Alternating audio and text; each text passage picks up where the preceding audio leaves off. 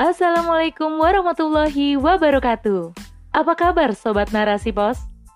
Kembali lagi bersama saya Giriani di podcast Narasi Pos. Narasipos.com Cerdas dalam literasi media, bijak menangkap peristiwa kunci.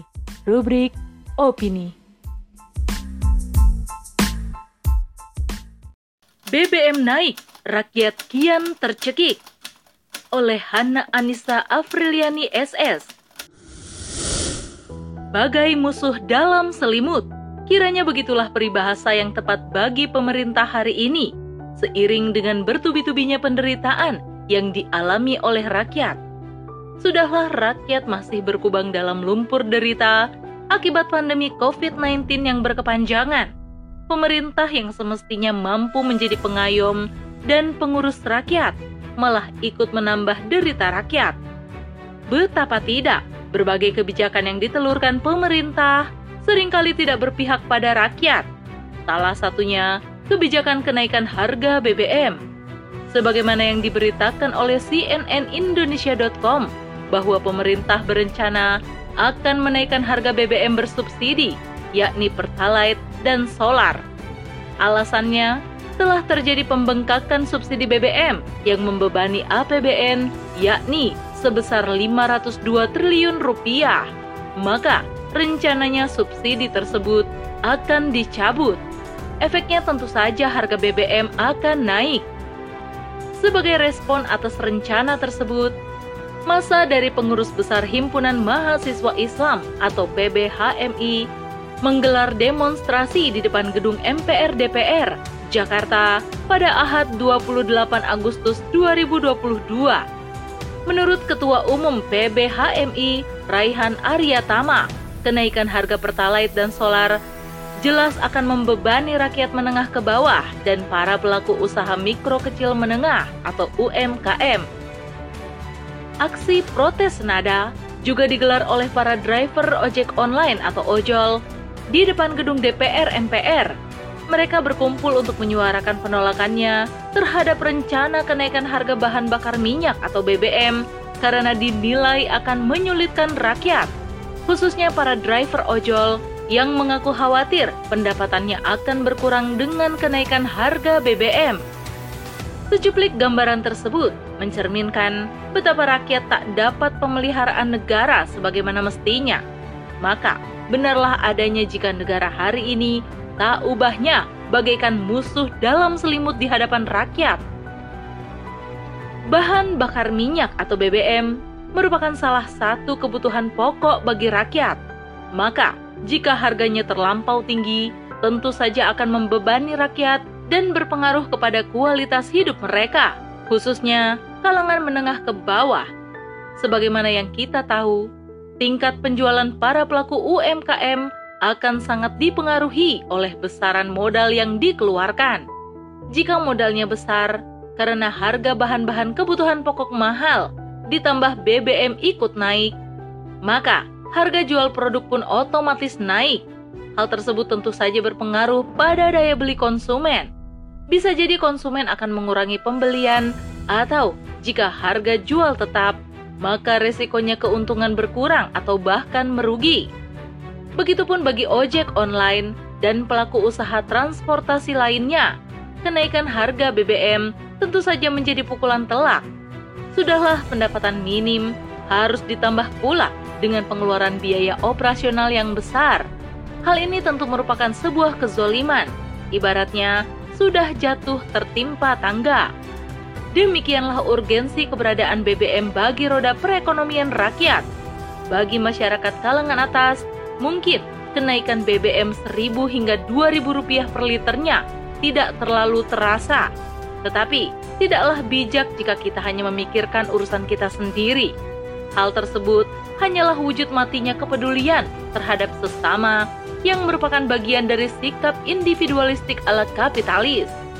Sejatinya, Islam mengajarkan umatnya untuk saling menyayangi dan memperhatikan lingkungan sekitarnya, tidak bersikap apatis, oleh karena itu, dalam Islam ada mekanisme amar ma'ruf nahi mungkar yang wajib ditegakkan di tengah masyarakat, yakni dalam rangka meluruskan kesalahan yang terjadi dan memberikan hak yang terabaikan. Ingatlah sabda Rasulullah Shallallahu Alaihi Wasallam, salah seorang dari kalian belum dikatakan beriman dengan sempurna sampai dia mencintai untuk saudaranya apa yang ia cintai untuk dirinya sendiri. Hadis riwayat muttafaqun alaih. Dalam hadis lainnya, Rasulullah Shallallahu alaihi wasallam bersabda, "Bukanlah seorang mukmin seseorang yang merasa kenyang sementara tetangganya kelaparan." Sohih Al-Adabul Mufrad nomor 82. Kapitalisme yang diterapkan hari ini menjadikan negara berlepas tangan terhadap pengurusan rakyatnya. Sebab sejatinya negara dalam bingkai kapitalisme menempatkan diri sekadar sebagai regulator, bukan pelayan rakyat. Lewat legislasi undang-undang, negara juga memprivatisasi aneka sumber daya alam, memberi karpet merah kepada pihak swasta, asing maupun lokal untuk menguasai SDA negeri ini, termasuk migas. Walhasil, rakyatlah yang menjadi korbannya. Di tengah melimpahnya kekayaan migas di negeri ini, rakyat harus merogoh kocek dalam demi mendapatkannya. Inilah konsekuensi logis atas penguasaan sumber daya alam bukan oleh negara, melainkan oleh pihak swasta yang tentu saja berbasis bisnis. Ironis. Selain itu, kapitalisme juga telah membentuk mental serakah atas nama kepentingan materi. Betapa banyak kita saksikan praktik penimbunan BBM di beberapa daerah, sebagaimana yang baru-baru ini terkuak oleh pihak kepolisian. Sebanyak 17 ton BBM jenis solar dan pertalite ditimbun oleh lima orang tersangka di Samarinda, Kalimantan Timur. Subsidi bahan bakar minyak atau BBM yang dianggap sebagai beban oleh negara merupakan salah satu konsep berpikir ala kapitalisme. Padahal, hakikatnya sudah menjadi tugas negara dalam menjamin pemenuhan energi bagi rakyatnya. Hal tersebut merupakan bagian dari aktivitas riayah seunil umah atau pemeliharaan urusan rakyat yang menjadi kewajiban negara. Namun sayangnya, di tengah penerapan sistem kapitalisme hari ini, pemberian subsidi malah dianggap sebagai beban Inilah wajah buram sistem kapitalisme yang menciptakan krisis visi kepemimpinan sejati. Padahal, hakikatnya rakyat adalah amanah, bukan beban.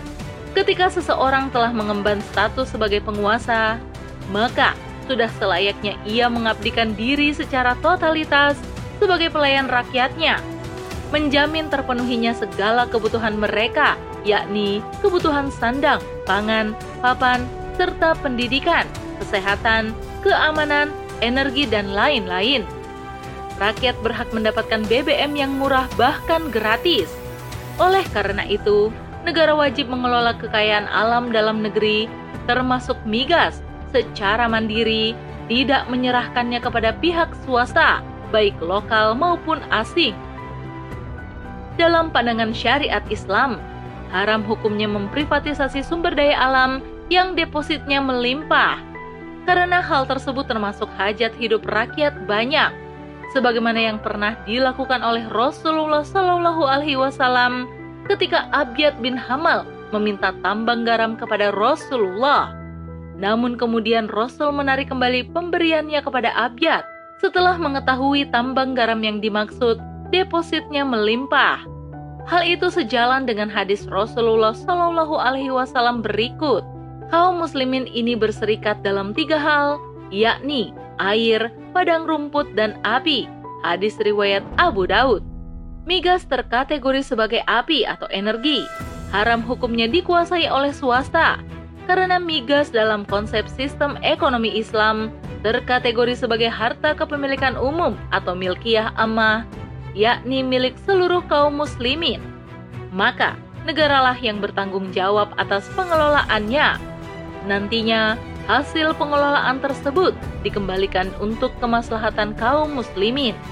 Negara juga akan menutup celah bagi praktik penimbunan atau ikhtikar karena menimbun barang kebutuhan publik yang menyebabkan kelangkaan di pasar adalah haram hukumnya dalam kacamata syariat. Sebagaimana Rasulullah Shallallahu Alaihi Wasallam pernah bersabda kepada Abu Hurairah radhiyallahu anhu, Siapa menimbun barang dengan tujuan agar bisa lebih mahal jika dijual kepada umat Islam, maka dia telah berbuat salah. Sistem Islam tidak akan memberi ruang bagi berkembang biaknya para pelaku ihtikar, karena negara akan memberikan sanksi tegas, yakni takzir. Negara akan memaksa para mutakhir atau pelaku penimbunan barang untuk menjual barang yang ditimbunnya dengan harga pasar. Demikianlah potret pengaturan negara dalam bingkai khilafah.